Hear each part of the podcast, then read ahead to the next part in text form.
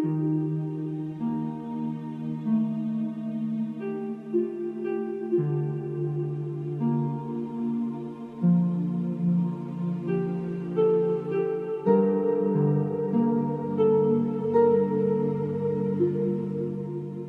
сонсогч таны энэ өдрийн амар амгалан айлтгая. Библийн хуудас радио цаурал хичээлийн маань цоо шинхэн дугаар эхэлж байна. Тэгэхээр өнөөдрөөс эхлээд бид Библи судрын дуулал номоор аялж Христ итгэлийн амьдралдаа гайхамшигтай өөрчлөлтийн тэр анхлуун салхийг салхилуулах болно. Дуулал ном бол хувь хүн эсвэл олуулаа хамтран бурханд магтаал хүндэтгэл өргөхөд аль алинд нь хамгийн тохиромжтой ном гэдгээрээ онцлог. Бурхны мөн чанар, зан чанарт мөн талархал өргөж, магтаал өргөхийн ялдамд бидний амьдралд улам их ажиллаа хийхийг хүсэж олон зүйлийн тэр хүсэлт залбирлыг энд агуулсан ном. Тэгэхээр энэхүү номонд итгэгч хүний бурханд хандах хандлага хэрхэн тэнцвэртэй байх талаар заадаг. Тэгэхээр яагаад тэнцвэртэй вэ гэж юу? Яагаад вэ гэвэл нэг талаар намайг зовоогчдыг зовоогооч гэх хатлаа нөгөө талаас бурханд найдаж талархаж байгаа итгэлийн үгийг бид эндээс сонсох болно. Ингээд тайвшрал, ирээдүйд итгэх итгэлийг өгүүлдэг. Дуулал ном таныг энэ дэлхийн ертөнцийн хамгийн дээд нэгэн лөө хөтлөн аваачих гайхамшигтай замаар замчлах болтугай. Ингээд жаргал агшийн хичээлийг эхлүүлж энэ цагийг бурханд өргөж хамтдаа залбирцгаая. Бурхан эзэн минь энэ цагийн төлөө талархан залбирч байна. Бид энэ цаг мөчид танаар өрөөгдсөн тэр нэгэн хүн ямар байдгийм бэ гэдгийг та ойлгуулж өгөөч гэж гуйж байна. Есүс Христэд итгэж таны өрөөлийг хүртсэн итгэгч бид таны өмнө ямар амьдралаар амьдрах учиртайг та бидэнд зааж өгөөч. Бурханлаг зам болон бурханлаг бус замын ялгааг та бидэнд ухааруулж өгөөч. Ариун сүнсээрээ энэ цагийг та удирдаач. Танаас иргсэн дэлхийн өмсөд төөрч будилсан хүмүүсийг та өөрлөгөө дуудаач. Тань руу эрэх замыг замчлах үнэнч зарц хөтчөө биднийг болгооч. Эзэн минь ээ Бид танд ашиглагдах ариун хүндэтгэлийн сав байхыг хүсэж байна. Энэ цагийг таны моторт өргөж эзэн Есүсийн нэрээр залбирanгуйж байна. Амен. Ингээд хамтдаа жаргал ах шиг хичээлд анхаарлаа хандуулцгаая.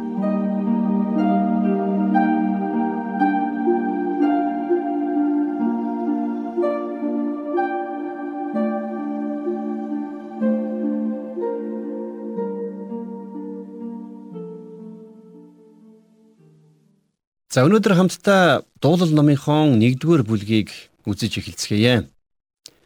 Тэгэхээр өмнө нь миний ярьж байсанчлан дуулал ном үндсэндээ 5 багц хэсгээс бүрдэж байдаг. Харин тэр багц хэсэг тус бүр нь Бонсигийн Пентатух буюу за хуучин гэрээний ихний 5 номтой нийцж байдаг юм тийм ээ. Өөрөөр хэлэх юм бол дуулал номыг бид нэр эхлэл, гитлэл, лев, тооллого, дид хууль гэсэн номнуудтай зэрэгцүүлэн авч үзэж болно гэсэн үг.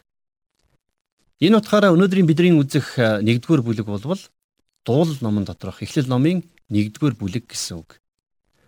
А гэхдээ дуулал номын нэгдүгээр бүлэг дээр ямар нэгэн материалын зүйлсийн талаар эсвэл ямар нэгэн бүтээлийн талаар биш. Харин хүний талаар. За тэр дундаа ерөөлттэй хүн. За бүр аз жаргалтай хүний талаар өгүүлсэн байна.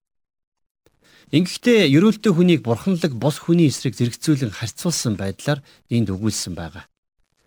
Тэгэхээр энэ цаагаараа бурханлаг бос хүмүүсийн дундах Есүс Христийн зураглал болдг юм. Заримдаа та бид нэр Есүсийг их гонигтай хүн байсан мэтэр төсөөлдөг тийм ээ. За тиймдээ ч бид нар зарим зураг хөрөг дээр Есүсийг их гонигтай дүр төрхтэйгээр зурсан байдгийг мэднэ. Иш үзүүлэгч Исая Есүсийг гоник зовлонгийн хүн гэж хэлсэн байдаг. А гэхдээ бид нар нэг зүйлийг маш сайн ойлгох хэрэгтэй. Есүс Христэд өөрийнх нь гуниг зовлон гэж байгаагүй. Харин тэр бидний гуниг зовлон өөртөө тээсэн. Тийм учраас Исая 53-ын 4-р эшлэл дээр Үнэхээр тэр бидний сул дорой байдлыг тээж өвчин зовлонг маань үүрчээ. Гэтэл бид түүнийг бурхан зодуулж, цохиулж, зовсон гэж л тооцжээ гэж бичигдсэн байдаг. За эндээс харах юм бол Есүс Христ та бидний өмнөөс уй гашууг минь үүрч бидний зовлон шаналлыг өөр дээрээ тээсэн байна тийм ээ.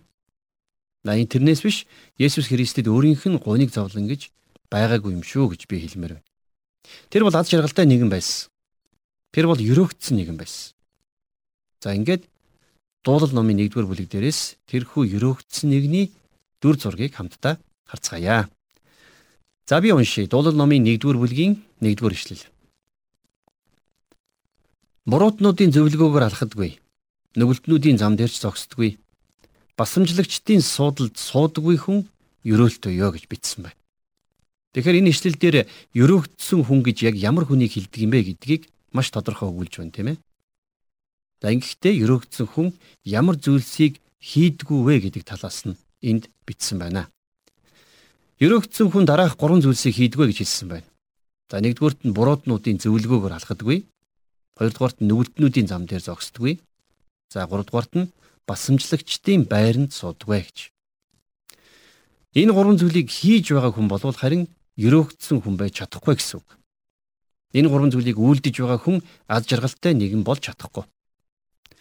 Тэгэхээр энэ гурван үйлдэлийг бид дараал бүхий гурван үйлдэл гэж харж болохоор байна. За мэдээж хүн эхлээд буруутнуудын зөвлөгөөг сонсоод дараа нь тэдний зөвлөгөөгөөр алах нь тийм ээ. За улмаар тэр хүн гим нүгэлтнүүдийн зам дээр зогсох болно. Тэгэхээр нүгэлтнүүдтэй нийлж тэднэртэй хамтрагчт нь болсноор дараагаар нь тэр хүн басамжлагчдын байранд тэдэнтэй хамт суудаг байх нь. Өөрөөр хэлэх юм бол хүн эхлээд бозор муугийн урхинд ордог. Дараа нь урууданд оротж эхэлдэг. А тэгээд эцэст нь яах вүлээ? Тэр хүн бүрэн ялзардаг. Харин буруутнуудын зөвлөгөөгөөр алхадгүй хүн бол өрөөгдсөн хүн байна. Өөрөөр хэлэх юм бол тэр хүн бурханлаг бос хүмүүсийн зөвлөгөөг хизээч дагдаггүй. Есүс Христ өөрийнхөө бодлоор юу ч хийж байгаагүй гэдгийг та бид нар сайн мэднэ шүү дээ. Есүс аливаа шийдвэрийг гаргахдаа хин нэгэн хүний бодлоор биш. Тэр байтугай өөрийнхөө хүслээрч биш. Харин Бурхан эцгийнхээ хүслийн дагуу тэрхүү шийдвэрүүдээ гаргадаг байсан. Иесус дагалдагч нартаа за залуусаа өнөөдөр хідүүлээ Галил орноо. За би нийлээд бодлоо. Ер нь Галил орох нь зөв юм байна. Би та нараас ухаантай учраас миний шийдвэрээр бүгдийг хийн шүү гэж хизээж хэлж байгаагүй тийм ээ. Иесус дагалдагч нартаа хизээж ингэж хандаж байгаагүй. Харин Иесус Би Иерусалим руу явж байгаа нь миний эцгийн хүсэл юм аа л гэж хэлж байсан. Есүс өөрийн эцэг бурхантай цагийг өнгөрөөдөг байсан учраас бурхан эцгийнхээ хүслийг хинээс ч илүүгээр мэддэг байсан. Тиймдээч Есүс бурхан эцгийнхээ хүслээр бүгдийг үйлддэг байжээ. Найз минь тэгтээ бусдын зөвлөгөөг сонсно гэдэг бол буруу зүйл биш. Сайн зөвлөгөө бидний амьдралд маш их тустай. Харин бурханлаг биш тэр зөвлөгөөг бид сонсож дагаж болохгүй. Бид нар итгэлээрээ алхах ёстой. Харин бурханлаг биш хүмүүсийн зөвлөгөөг дагаж амьдрна гэдэг итгэлийн амьдрал яасан ч биш. Тэгвэл бурханлаг биш хүмүүс гэж хэнийг хэлээд байна вэ? За эдгээр хүмүүс болвол бурхныг үл тоож бурхангүйгээр амьдрдаг хүмүүсийг хэлж байна, тийм ээ. За ийм хүмүүст бурхнаас айж имэх сэтгэл огт байдаггүй. Тэд нар бурхан огт байдгүй мэтэр бодож сэтгэж амьдрдаг. За бидний эргэн тойронд ийм хүмүүс маш олон байна. Өглөө болсоод тэд нар бурхандаа залбирдаггүй. Өөрсдөд нь бурхнаас өгөгдсөн хоол хүнс, хувцас сунар, ивэл ерөөл бүхэнд хизээж талархдаггүй. Тэд өөрсдийнхөө амьдарч өөрсдийнхөө нүдэнд юун зөв харагдана тэрнийг л хийдэг. Тэд нар бурхныг амьдралдаа хүлийн зөвшөөрдөг учраас тэд бурханлаг биш хүмүүс. Тэгэхээр бурханлаг биш хүмүүсийн зөвлөгөөг сонсож дагсан хүн нүгэлтнүүдийн зам дээр зогсож байна гэсэн үг. Тэд нүгэлтнүүдтэй хамт нүгэлтнүүдийн замаар л явна. За тийм хүмүүсийн талаар Библиэлд хэлэхдээ хүнд өөрт нь зөв мэд зам харин эцэс нь үхлийн зам гэж байдгаа гэж сургаалт өгс номын 14-ийн 12 дээр бичсэн байх юм. За мөн сургаалт өгсийн 16-гийн 2 дугаар ишлэлдэр хүмүүний бүхий л зам нүдэнд нь цэвэрч сүнсийг дэнслэгч нь эзэн билээ гэсэн сайхан үг байна. Гим нүгэлтэй хүн өөрийгөө гим нүгэлтэн гэж тэр бүр боддоггүй. А гэхдээ тэр хүний бодлоос үл хамааран тэр хүн болвол гим нүгэлтэн. Исаи номон дээр хорон муун замаа буруу нэгэн бодол санаануудаа орхиг гэсэн үг байна. Тэгэхээр үнэндээ бид нар бүгдээрээ ялгаагүй гим нүгэлттэй хүмүүс. А гэхдээ харин бид нар Есүс Христэд итгэх үед бидний гим нүглийг бурхан цагаатагдаг. Яагаад гэвэл бид нар бүгдээрээ хонь мэд төөрж бүгд л өөр өөрийн замаар явж байсан. Бүгдийн маань хилэнцгийг харин бурхан түүнд тохвоо гэж Библиэлд тодорхой бичигдсэн байна. Бурхан эцэг бидний бүх гим нүглийг гим буруугүй Есүс Христийн дээр тогсон. За цааш нь харах юм бол нүгэлтнүүдийн зам дээр зогсож байсан хүн дараа нь басамжлагчдын суудалд сууна гэж хэлсэн баг. Тэд нар бол Бурхныг үл тоогоо зогсохгүй. Бурхныг басамжлагч хүмүүс байх нь. Өөрөөр хэлэх юм бол гим нүгэлтнүүдийн зам дээр зогсож байсан залуу маань одоо харин өөрөө Бурхныг үл тоож, Бурхныг доромжлох байр суурин дээр ирж байна гэсэн үг. Үнэн дээр хүмүүсийн хувьд Бурхныг үл тоож, Бурхныг доромжлох нь байж болох хамгийн доод төвшин. Тохуурхагчдыг тэр тохуурхдаг атлаа дарууд нэгүсэл үзүүлдэгэ гэж Библиэлд их тодорхой бичигдсэн байдаг. Тэгэхээр Бурхныг үл тоож, Бурхныг доромжлагч, Бурхныг басамжлагч хүмүүсийг хожим нь Бурхан өөрөө тийхүү хандах болох нь. За тэгэхээр өрөөгдсөн хүн буюу жинхэнэ аз жаргалтай хүн ийм гурван алхмыг хийдэггүй гэдгийг энд хэлсэн байгаа. Хамтдаа цааш нь үргэлжлүүлээд 2 дугаар ишлэлийг уншийе. Эзний хуулийг тэрээр багтаж энэ хуулийг өдөр шөнөгүй бясалгана. За та санаж байна уу? Есүс нэг удаа диавол эзэмдүүлсэн хүний тухай нэгэн түүхийг ярьж байсан тийм ээ. Диавол тэр хүнийг орхих үед тэр хүн амьдралаа зэгцэлж амьдралаа өөрчилдөг. Тэгээд тэр хүн бүх зүйл сайхан болно гэж бодсон. Гэтэл яасан бэлээ? Диавол буюу муу сүнс эргэж ирэхдээ өөрөөсөө илүү муу долоон сүнсийг дагуулan тэр хүний амьдрал өмнөхөөсөө дордсон тухай Иесус нэгэн удаа ярьсан байдаг. Тэгвэл маш олон хүмүүс энэ хүнтэй яг адилхан өөрийнхөө хүчээр амьдралаа цэгцэлж амьдралаа өөрчлөх юм бол бүх зүйл сайхан болно гэж боддгийг. Гэтэл үнэндээ тийм биш. Бид нар амьдралаа өөрсдөө цэгцлэх биш, харин бид амьдралаа бурханд өргөх ёстой. Би дахиад хэлье. Бид амьдралаа өөрсдөө цэгцлэх биш. Харин бид амьдралаа бурханд өргөх ёстой. Бурхан бидний амьдралын эзэн болохын цагт ямар ч диавол бидний амьдралыг захирч чадахгүй. Бид амьдралаа бурханд өргөж, бурхны хуулийг судалж, бурхны үгээр амьдрах учиртай. За энэ хэлэхдээ хуулийг өдөр шөнөгүй бясалгана гэсэн байгаа. Тэгэхээр бурхны хүмүүсийн хувьд тэд бурхны хуйлд баярлаж байдаг байх нь тийм ээ. Өөрөөр хэлэх юм бол бурхны үгнээс баяр хөөргийг олдгоо гэсэн үг. За чаддагсан болвол би бурхны үгийг бүх хүмүүсийн сонирхлыг таттал сайхан тайлбарж өгөх юмсан. Яагаад үг гэвэл Библи бол үнэндээ тайлбарлаад тайлбарлаад ханашгүй гайхалтай ном. Энэ бол ямар нэгэн тийм уйдгартай ном биш. Ямар нэгэн тийм залхуутай унших зүйл биш. Бурхны үгийг судалж Бурхны үгийг уншина гэдэг бидний амсаж чадах хамгийн гайхалтай баяр багтлуудын нэг. Тэгэхээр Бурхны үгэнд баярладаг. Бурхны үгнээс баяр хөөргийг авч чаддаг тэр хүн бол жинхэнэ ерөөлтэй, ерөөгдсөн ад жаргалтай хүн байх нь. Өнөөдөр энэ дэлхий дээр хүмүүс тохиолдож байгаа ууй гашуу, шаналл зовлон, сэтгэлийн шарах тэр бүхэн үнэндээ хүмүүс бурхны хуулийг зөрчснөөс үүдэлтэй шүү дээ. Энэ тухай та бодж үзсэн үү? Бурхны үг болох Библиэлд энийг маш тодорхой хэлсэн байдаг юм. За 1-р Иохны 5-ын 3-р ишлэлдэр Бурхныг хайрлах нь түүний тушаалуудыг сахих явдал юм. Түүний тушаалууд хүнд дарамт биш вүлээ гэж их тодорхой хэлсэн байна. Энэ үгийг Иохан хэлсэн шүү. Тэгэхээр өнөөдөр итгэгч та бидэнд өгөгдсөн Бурхны тушаалууд бол бидний хувьд ямар нэгэн ачаа дарамт биш юм. За нөгөөтэйгөр Христэд итгэгчид бид нар нэгүслэр аврагдсан учраас хүсснээр амьдрч болно гэж зарим хүмүүс эндүрэн бодож байна. Тийм биш. Бид нар ямар ч хуйлгүй хүмүүс биш. Бурхны үг хизээж бидэнд ингэж хэлээгүй. За Галаат номын 5 дугаар бүлгийн 13 дугаар ишлэгийг харах юм бол ах トゥ нараа та нар эрх чөлөө өөд дуудагдсан юм. Гэхдээ та нар эрх чөлөөгөө махбодын төлөөх таатай боломж болгож бүү ашигла. Харин бие биендээ хайраар үйлчлээрэй гэж Илч Паул загсан байна. Тэгэхээр бурхан та бидэнд эрхчлөөг өгсөн гэдг нь биднийг юу хүсснээ үйлдэж амьдрах эрхийг өгсөн гэсэн үг биш.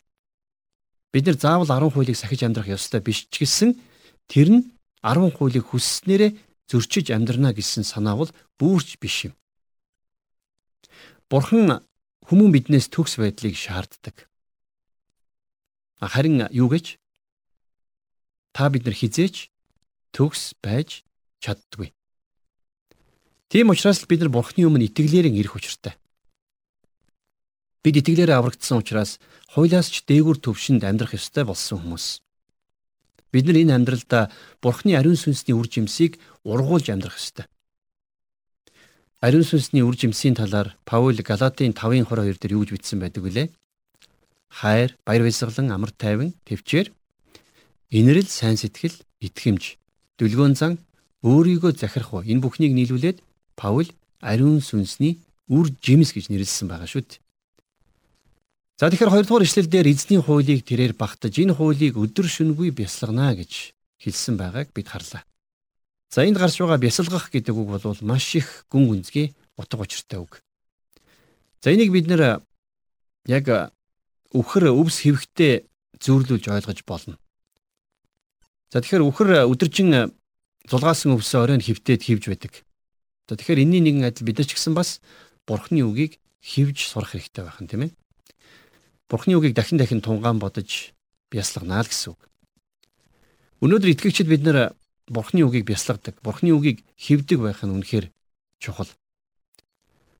Бурхны үгийг бясалгах нь итгэгч бидний амьдралын салшгүй хэсэг байх ёстой. Хэрвээ бид нэр Бурхны үгийг бясалгахгүйгээр нэг сонсоод л өнгөрөх юм бол яг л шинэ гэрэн дээр Яаковын хэлсэн шиг толинд өөрийгөө хараад эргэхдээ ямар байснаа даруй мартдаг хүнтэй адилхан болно гэсэн үг. Бид нэр Бурхны үгийг тунгаан бодож бяслах тийм амьдралын хим хэмжээтэй байх хэрэгтэй. Яг гэвэл Бурхны үг бол бидний хувьд өөрсдийнхөө бодит байдлыг олж харах тойл. Бид Бурхны үгэнд өөрсдийгөө харж Бурхны үгээр амьдралаа хэлбэржүүлж байх хэрэгтэй тийм ээ. За цааш нь энэ хуулийг өдөр шөнөгүй бясалгана гэж хэлсэн байсан. Тэгэхээр бид нар Бурхны үгийг ямарваа нэгэн хөтөлбөр эсвэл ямар нэгэн сургалтанд хамрагдсанараа сурчдаг юм биш. Бид Бурхны үгийг өдөрч шөнч ялгалгүй тунгаан бодож амьдралынхаа бодол санааныхаа салшгүй нэгэн хэсэг болгосон байх ёстой. Бид нар цуглаан дээр шоргоолж шиг завгүй үйлчилж гүйсэн ч гэсэн бид нар Бурхны үгийг тунгаан бодохгүй юм бол итгэлээр хизээч өсч чадахгүй. Бид Бурхны үгийг дахин дахин бодож, дахин дахин тунгааж амьдралынхаа салшгүй хэсэг болгож байж гэмээр сая жинхэнэ өрөөгдсөн ад жаргалтай хүн байж чадна. За хамтдаа 1-р бүлгийн 3-р ишлэлийг цааш нь үргэлжлүүлэн уншъя.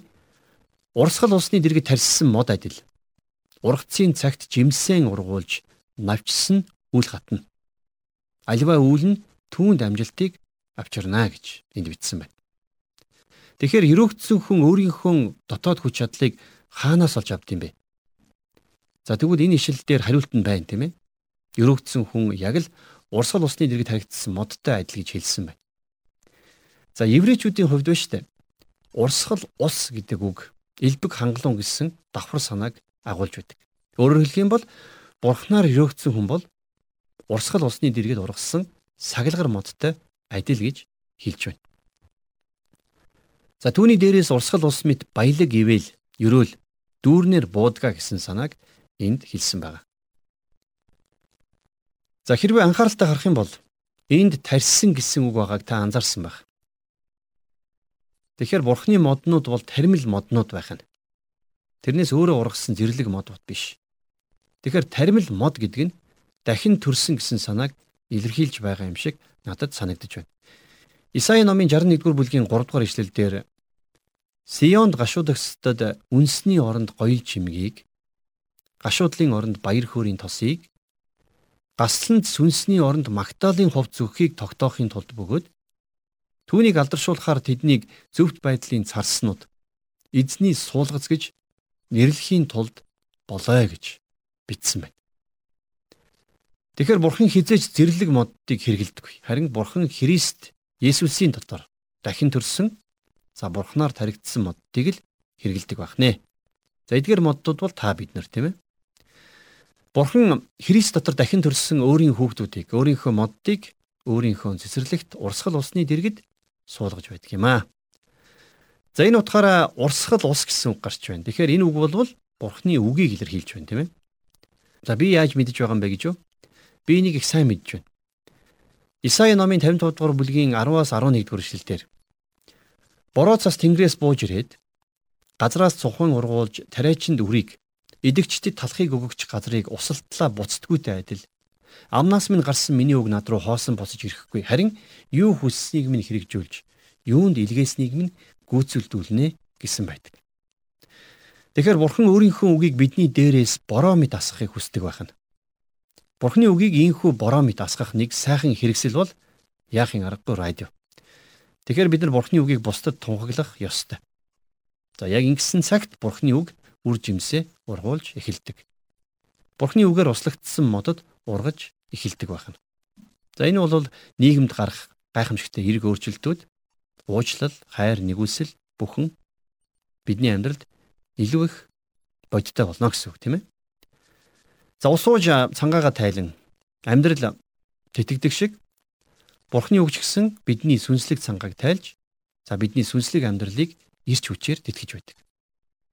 За мэдээж усаар бид нар бохирдсон зүйлсийг яг угааж цэвэрлдэг шиг Бурхны үг бидний амьдралыг угааж цэвэршүүлж байдаг. Дуулал номон дээр Бурхны үгийг их олон удаа устай зөвөрлүүлсэн байдаг.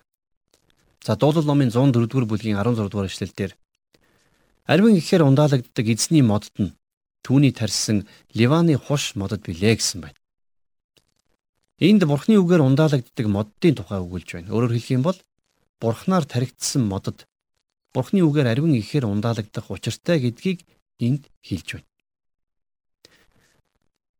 Дуулал номын 1-р бүлгийн 3-р ишлэлийг э, дахин харах юм бол ургацын цагт жимсээ ургуулж гэж хэлсэн байна.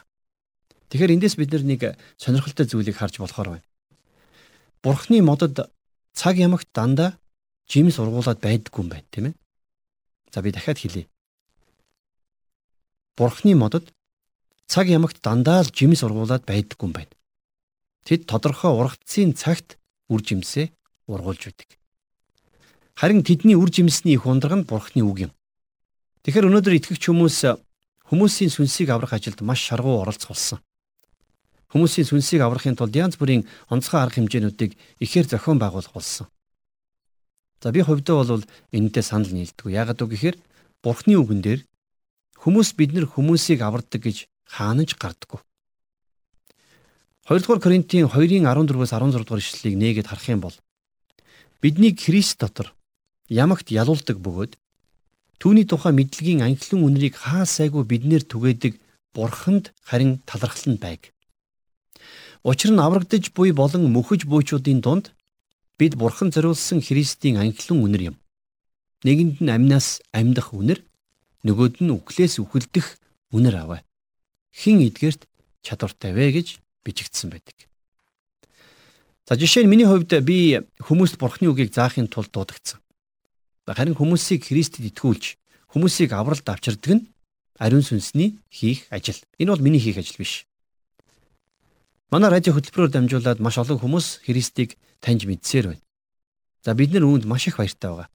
А гэхдээ энэ бол бидний гавья биш ээ гэж би хэлмээр байна. Бид нар зөвхөн Бурхны үгийг зааж дамжуулах л үүрэгтэй. Харин Бурхан өөрөө өөрийнхөө үгээр дамжуулан ажилдаг. Тэгэхээр бид бол аврагдагчдад амийн үнэр мөхөксдийн хувьд бол үхлийн үнэр. Бидний хийх ёстой ажил бол Бурхны үгийг заах. Тэгэл боллоо. Би хүмүүс сайн мэдээ ярьж Христэд итгэхийг урих үедээ үргэлж нэг зүйлийг хэлдэг. Юу вэ гэхлээр хэрвээ та Христэд итгэх сонголтыг хийхгүй бол маш их харамсалтай байна. Яагад гэвэл одоо та Бурхны өмнө очиод би сайн мэдээ огт сонсоогүй гэж хэлэх ирэхгүй боллоо шүү дээ гэж хэлдэг юм. Авралыг аваагүй хүмүүст Бурхны үгийг дамжуулах нь бидний үүргээ. Харин тэр үгэнд тэд нар итгэх эсэх нь тэр хүмүүсийн өөрсдийн асуудал. А гэхдээ тэр хүн Бурхны өмнө тайлангаа тавих нэгэн цаг ирэх болно. Бурхан биднийг өөрийнх нь үгийг дамжуулаасай гэж дандаа хүсч байдаг. Тийм учраас бид энэ радио нэвтрүүлгийг хийж байгаа юм. Зарим нь аврагддаг, харин харамсалтай зарим нь авралыг хүлээж авдаггүй. Христэд итгэгчид бидний үндсэн үүрэг бол хүмүүсийг аврах бишээ. Харин Бурхны үгийг л ярьж зааж хүмүүст дамжуулж хэлэх явдал юм шүү дээ. Харин хүмүүсийг аврах ажлыг Бурхны ариун сүнс хийдэг. Тэгэхээр ургацын цагт жимсээ ургуулж гэж 3 дугаар эшлэлдэр бичигдсэн ч энэтэй холбоотой. Бидэнд жимс ургуулах ургацын цаг гэж байгаа. Ямар ч жимсний мод жимс ургуулах удирдал үр жимсээ гаргадаг шүү дээ. Тиймээс тэрхүү ургацын цагт үр жимс аримтай байлгахын тулд модыг бусад улиралд нь бордож, хамгаалж, усалж, арчилж байдаг тийм ээ. За тэгээд урт удаан хугацааны туршид бэлдсэний эцэст мод саяныг үр жимсээ ургуулж эхэлдэг. Бид нар ч гэсэн бас Бурхны үгийг дамжуулахын тулд өөрсдийгөө бэлдэж, Бурхны үгэнд анхаарлаа хандуулдаг байх хэрэгтэй. Үр жимсэн зөвхөн ургах ёстой цагтаа л ургадаг учраас тэрхүү үр жимсийг ариун байлгахын тулд урт удаан хугацааны анхаарал халамж зориултыг гаргах хэрэгтэй гэсэн үг. За цааш нь харах юм бол навчсан үл хатна гэж хэлсэн байгаа. Тэгэхээр навч гэдэг нь итгэгч бидний амьдралын гэрчлэлийг илэрхийлж байна гэж би хувьдаа боддог. За үр жимс зөвхөн ургацын улиралд гардаг болвол харин навч цаг ямагт дэлгэрч байдаг тийм ээ.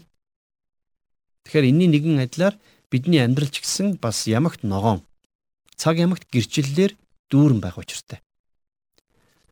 Тэгэхээр бурхны модод бол мөнх ногоон модод.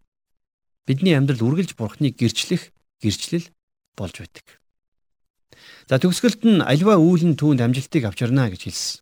Хуучин гэрээний үед бурхан өөрийнх нь үгийг дагагч хүмүүст материалын ивэл өрөөлийг амладаг байсан юм. Харин өнөөдрийн итгэгчид бидэнд ийм амлалт өгөгдөг. Хэрвээ та бурхны үгийг дагсныхаа төлөө материалын ивэл өрөөлийг хүртэж байгаа бол бурхан талархаарай. Бурхан танд амлснаасаа ч илүү өгсөн байна. Харин өнөөдрийн итгэгч бидний хувьд Есүс Христ бол бидний хувьд хамгийн чухал юм. Материалын эд баялаг бол тэгтэй адилхан танд хичнээн их байсан ч тэг бол тэг. Харин Есүс Христ бол нэг. Та тэр их тгийнхээ өмнө Есүс Христ хэмээх нэгийг нэмбэл сая танд байгаа бүхэн бүрэн дүүрэн утга учиртай за ивэл болох болно гэдгийг би энд сануулan хэлмээр байна. Бурхан өнөөдөр бидэнд материалын ивэлийг заавал өгнө гэж амлаагүй гэдгийг бид мартаж болохгүй. За 4-5 дугаар ишлэлийг үргэлжлүүлэн хамтдаа харъя. Гин бурууд нь тийм бусагаад салхиар ялгагдан хаягдах тарианы хальс мэд. Шийтгэл ирэхэд бурууд нь зогсож ис үлдэнэ. Зүвтийн чуулалдч нүгэлтнүүд зогсож үл хоцорно гэсэн байна. За харин энд бурханлаг бус хүмүүсийн ирээдүг өгүүлсэн байна. За бурханлаг болон бурханлаг бус хоёр хүн байна тийм ээ. Хоёр өөр амьдрал. А тэгээд хоёр өөр төгсгөл байна. Хүний нүдэнд өөрийнх нь зам зөв юм шиг харагддаг ч гэсэн юун зөв, юун буруу болохыг гагцхүү бурхан л шүүж тогтооно. Өнөөдөр хүмүүс юун зөв, юун буруу болохыг тэр бүр салгаж ялгаж чадахгүй болсон яг ийм нийгэмд та бид нар аж төрж байна. Харин бурхан үргэлж зөв бурууг мэдэж байдаг. Бурхны үг бидний нийгмийн аяст хизээч нийцүүлж өөрчлөгддөггүй. За 6 дугаар ишлэл. Зөвтийн замыг эзэн мэдмүй, буруутын зам сүнэж мөхмүй гэсэн байна. За энд юу ярьж гэнэ үг гэхлээр буруу нэгний зам эцэстээ үгүй болох болно гэдгийг их тодорхой хэлж байна. За мөн сургаалт төгсгийн 10:28 дээр зөвдтийн найдвар нь баяр хөөр авчирдаг буруутын хүлээлт хоосон хосордгоо гэсэн байна. За мөн Матайн сайн мэдээ номны 7 дугаар бүлгийн 13-аас 14 дугаар ишлэл дээрээс харах юм бол хавчиг хаалгаар ор Учир нь сүрэлд хөдөлдөг хаалга нь уужуу, зам нь өргөн юм. Олонх нь түүгээр тийш ордог. Аймууд хөдөлдөг хаалга нь хавчиг, зам нь нарийн юм. Цөөнх нь түүнийг олдгоо гэж Есүс хэлсэн байна. Сүрэлд хүргэх зам нь эхэндээ өргөн сайхан байдаг ч гэсэн явах тусам улам нарийсаар эцэстээ зөвхөн сүрэл рүү аваачдаг байна. Харин та Есүс Христэд итгэх тэрхүү нарийн замыг сонгоорой. Учир нь Есүс бол зам, үнэн, амь мөн. Энэ зам цаашлах тусам улам өргөссөөр эцэст нь амьд хүрдэг юм. Иохан номын 10 дугаар бүлгийн 10 дугаар ишлэлдэр Есүс Христ би тэднийг амьтаа бялхсан амьтаа байлгахын тулд ирсэн билээ гэж хэлсэн байна. За энэ хүрээ дуулал номын 1-р бүлийг өндөрлөж байна. Өнөөдөр бид дуулал номын 1-р бүлгээр дамжуулаад Бурхнаар өрөөгдсөн аз жаргалтай хүний дүр зургийг олж харлаа. Үнэхээр Есүс Христэд итгэж авралыг авсан хүмүүс бол Бурхны ёроолыг хүртсэн хүмүүс юм шүү. Та ч гэсэн бас Есүс Христэд итгэж тэрхүү нарийн замаар замнаж мөнхийн амийг хүлээж аваарай гэж өрөөх байна.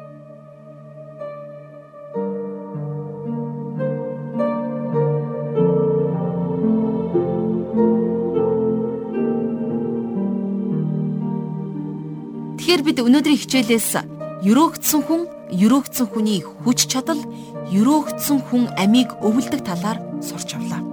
Тийм ээ Есүс Христэд итгэж авралыг авсан хүн бол Бурханаар гарцаагүй өрөөгдсөн нэг. Бурханаар өрөөгдсөн хүмүүс бурууднуудын зөвлөгөөг дагдаггүй. Нүгэлтнүүдийн зам дээрч зогсдоггүй. Басамжлагчийн суудалдч суудаггүй хүмүүс. Харин энэ гурван зүйлийг хийж байгаа хүн бол өрөөгдсөн хүн байж чадахгүй гэсэн үг.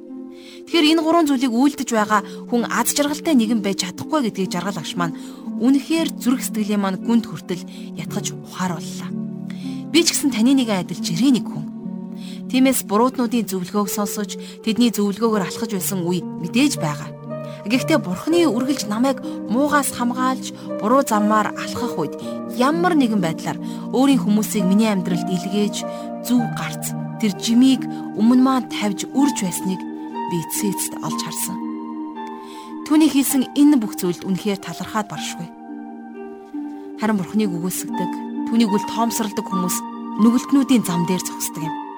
Нүгэлтнүүдтэй нийж тэдэнтэй хамтрагчд болдог. Эцэст нь тэр хүн басамжлагчийн байранд суух болно. Хэрвээ та энэ замаар явж байгаа бол танд түүн рүү эргэж очих зам бий гэж хэлье. Тэр таныг аадар бороо, салхи шуурга, аянга цахилгаан донд ч гэсэн төвчээртэйгэр хүлээж, эрэх замыг чинь бартаа саадгүйгээр ирэх тэрл нөхцөл бодломжуудыг гаргаж зогсож байгаа нэг. Тиймээс би танд дахин хэлье. Бузар муугийн өрхөнд орж, улмаар урууд нь доройтож эцэс нь бүрэн ялзрахаас өмнө бурхан эцэгтэй очих замыг олоорой. Харин бурууднуудын зөвлөгөөр алхдаггүй хүн бол өрөөгдсөн хүн байна. Хэрвээ та бид бурхнаар өрөөгдөж, бурхнаар таригдсан тэр мөнхийн ногоо модод учраас бидний амьдрал үргэлж ногоо навч мэд гэрчлэлийг гэрэлтүүлж амьдрах учиртай. Эцэст нь бурханлаг бус хүн мөхөх болно. Харин бурхнаар өрөөгдсөн хүн амийг өвлөн авах болно. Тэгэхээр өнөөдрийн Библийн хуудас радио хичээл маань өндөрлөж байна. Хамтдаа сурсан зүйлийнхаа төлөө талархах цаг. Бурхан эцэг минь таньда талархал өргөн залбирая. Та энэ цагт өөрийн үгээрээ дамжуулан танаар өрөөгдсөн хүний мөн чанарыг бидэнд ойлгуулж өгсөнд баярлалаа аваа. Биднийг нүгэлтнүүдийн зөвлөгөөг дагдаггүй. Нүгэлтнүүдийн зам дээр ч зогсдоггүй. Басамжлагчдын суудалд суудаггүй тэрхүү өрөөгдсөн хүн болгож та өөрчлөн шинчлээч. Их эзэн минь ээ та бидний дотор ажиллаа хийгээч гэж гуйж байна. Хэрвээ Есүс Христийг хараахан аврагчаа болгон хүлээн аваагүй хүмүүс сонсож байгаа бол Тийм ээ та тэднийг ч гэсэн Есүс Христэд итгэж тэдгээр өрөөгдсөн хүмүүсийн нэг болгооч гэж гуйж байна. Ариун сүнсээрээ та гайхамшигтайгаар ажиллаа хийгээч. Энэ бүхнийг таны мотор төргөж эзэн Есүс Христийн нэрээр залбирanгуйж байна. Амен.